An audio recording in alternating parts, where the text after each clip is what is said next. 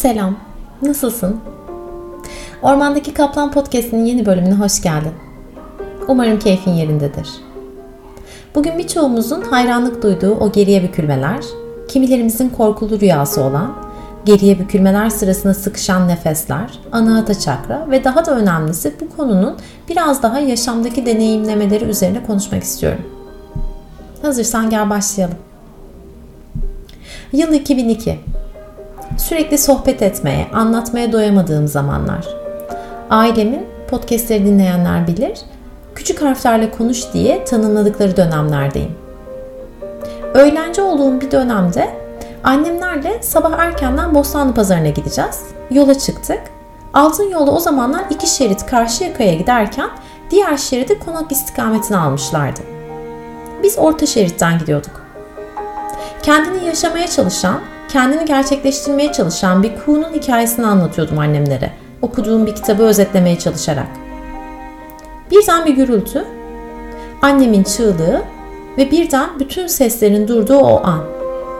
Sağ şeritten bir otobüs bize çarpıyor. Babam kontrolü kaybediyor. Karşı istikametten gelen araçların şeridine dalıp arabayı beton bariyerlere vuruyor çünkü duramıyor. Karşıdan gelen de bize çarpıyor duramıyor. Araçtan beni tanımadığım bir adam oluyor. İyi misin diyor. Kusmaya başlıyorum. Bana kıyamet gibi bir anı hatırlatıyor. Boynumu tutamıyorum. Kaburgalar, kaburgalarımı doğrultamıyorum. İçeride ciğerlerime bir şeyler batıyor gibi. Şükürler olsun ki annem de babam da sağ. Ambulans, hastane, herkesi çıkartıyorlar. Beni müşahede altında tutmaya karar veriyorlar. Çünkü o dönemlerde anlamadığım ama şimdilerde öğrendiğim sternumda bir sorun fark ediyorlar. Ancak kazada mı oldu, önceden mi vardı bilmiyorlar. Boyun kaslarım ağır hasar alıyor. Doktorun dediğine göre orada dokuz edelenmesi oluşuyor. Ve 6 ay 9 yaşında bir çocuk için zıplamak bile yasaklanıyor. Boynumu uzun bir süre çeviremiyorum. Sternumun hasarından kaynaklı farkında bile olmadan bir göğüs kafesim daha çıkıntılı bir hal alıyor. Sternum, iman tahtası dediğimiz anahata çakra, kalp, perikardiyum, dalak meridyenlerinin geçtiği nokta. Aslında ruhun içeride saklandığı yer. Yani enerji bedeninde senin anne karnından itibaren tuttuğun anılarını, hatta annenin anılarını bile taşıdığın, yaşamdan keyif almayı sana hatırlatan, yaşamla, ruhunla birlikte bağlantı kurmanı sağlayan, belki de bir yaşam boyu yapacağın eylemlerinde kalbin ihtiyaçlarını yerine getirmeye, bazen kendimize duyurmaya çalıştığımız, şefkat duygularını besleyen, yaratıcılıkla bir bağlantı kurmaya çalışan, niyetlerin ve düşüncelerinin bulunduğu alanları zedelenmiş olmasından bahsediyorum. Derken bu zamana kadar getirdiğim bir yaşam, yaşanmışlıklar, yaşanamamışlıklar, tamamlananlar, yarım kalanlar ve şimdi de olan bir Melisa var. Yoga pratiklerinde tek bir konuya ve yeterliliğe bağlı olmamakla birlikte geriye bükülme pratiklerinde bedensel farkındalıkta fark ettiğim öyle konular oldu ki bu kazayı bile yaşamış olmama rağmen silip attığım, aldığım hasarı nerede aldığımı bile unuttuğum ancak bir gün öğretmenlerimden birisinin sternumu yukarı çek Melisa demesiyle o incecik sızının birden bedenimde sıkışmış bir anı, o anıyı açığa çıkardığını fark ettim.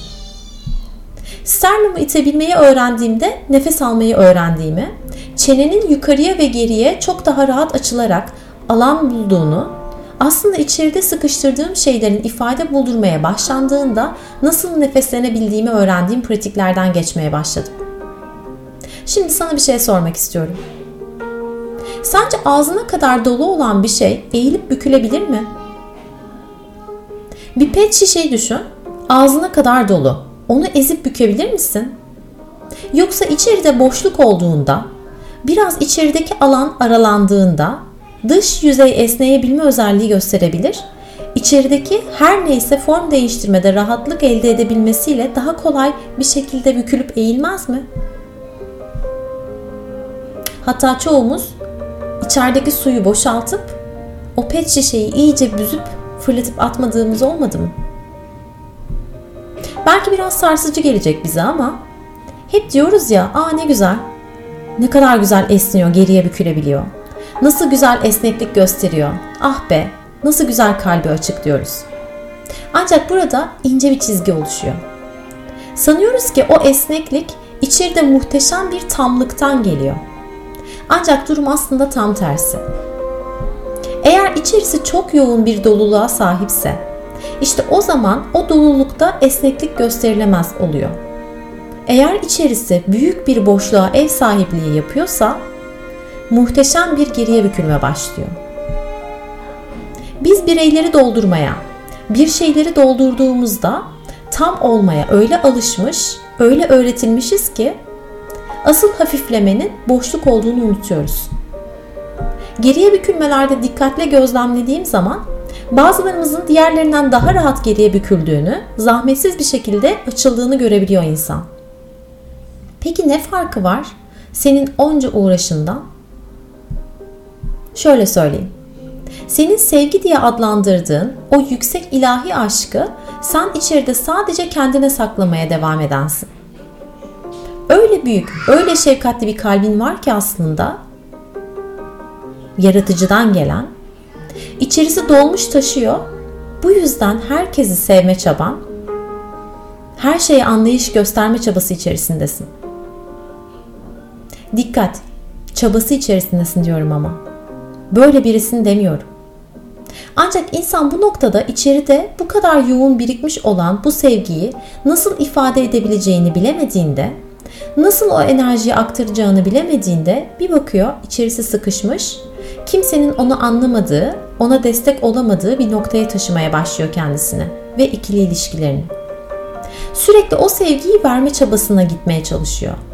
Sevgiyi aramayı bırakıyor.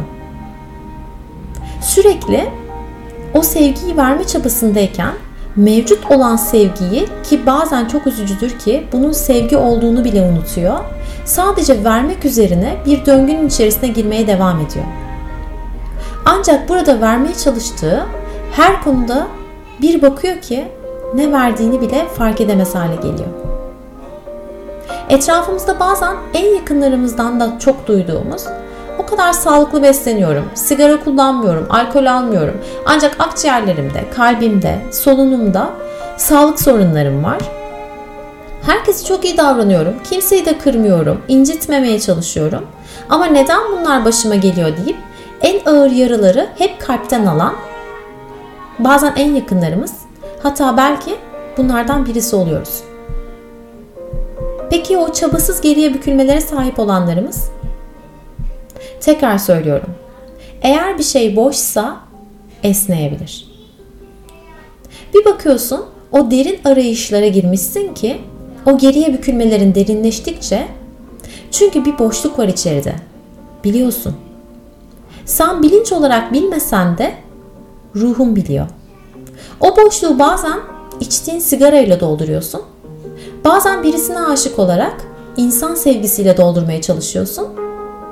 Eğer oradaki boşluğu gerçek idraka ulaştırabilirsen artık ilahi aşkı ararken buluyorsun kendini. Belki ailenden gelen akciğer, kalp, solunum, gırtlak gibi sorunlar varken yani onlar senin yerine fazlasıyla doldurmuşken buraları sen o bölgeni muazzam bir şekilde kullanmaya başlıyorsun. Çünkü sana bahşedilmiş olan o aşkı içerideki boş olan alanı dışarıda bir şeylerde doldurma arayışına girmeye çalışıyorsun. Şu anda senin nerede olduğunu bilmiyorum. Ancak her iki tarafı da deneyimleyen biri olarak öğrendiğim tek bir gerçeklik var. İçeride doldurduğun sevgi bencil sevgi ise sıkışacaksın. İçeride doldurduğun sadece kendine sakladığın sevginin ilahi sevgi olduğunu anladığın zaman nasıl paylaşacağını da biliyor olacaksın. O bölgeyi açtığında ise bir bakacaksın her şeyin içinde aşkı bulmaya çalışan olmuşsun. Boşluğu sonsuzluğa aktarırken bulmuşsun kendini.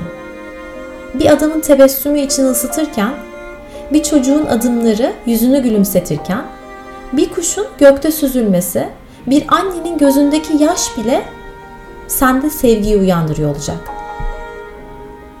İçeride boşluk olarak adlandırdığın her şeyin aslında bizzat kendin olduğunu idrak ettiğinde aramayı durdurup aşkın kendisi olacaksın.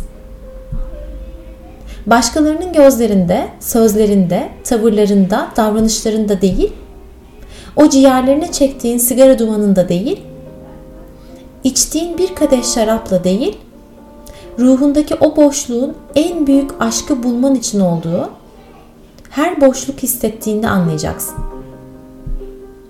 Eğer hala oralar kapalıysa lütfen dert etme.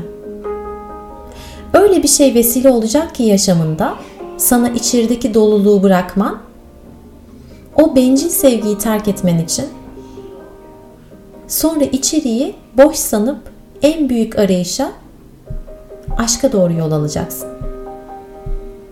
Sonra bir bakmışsın aşkın aşkınlık haliyle tüm boğaz, boyun bölgesi, göğüs kafesi açılmaya, yaşamın ifade bulmaya, yaşamın anlamlanmaya başlamış. Attığın her adımın, karşına çıkan her şeyin o sonsuz aşka, ilahi olana doğru gitmesi dileğiyle. Aşkla. Namaste.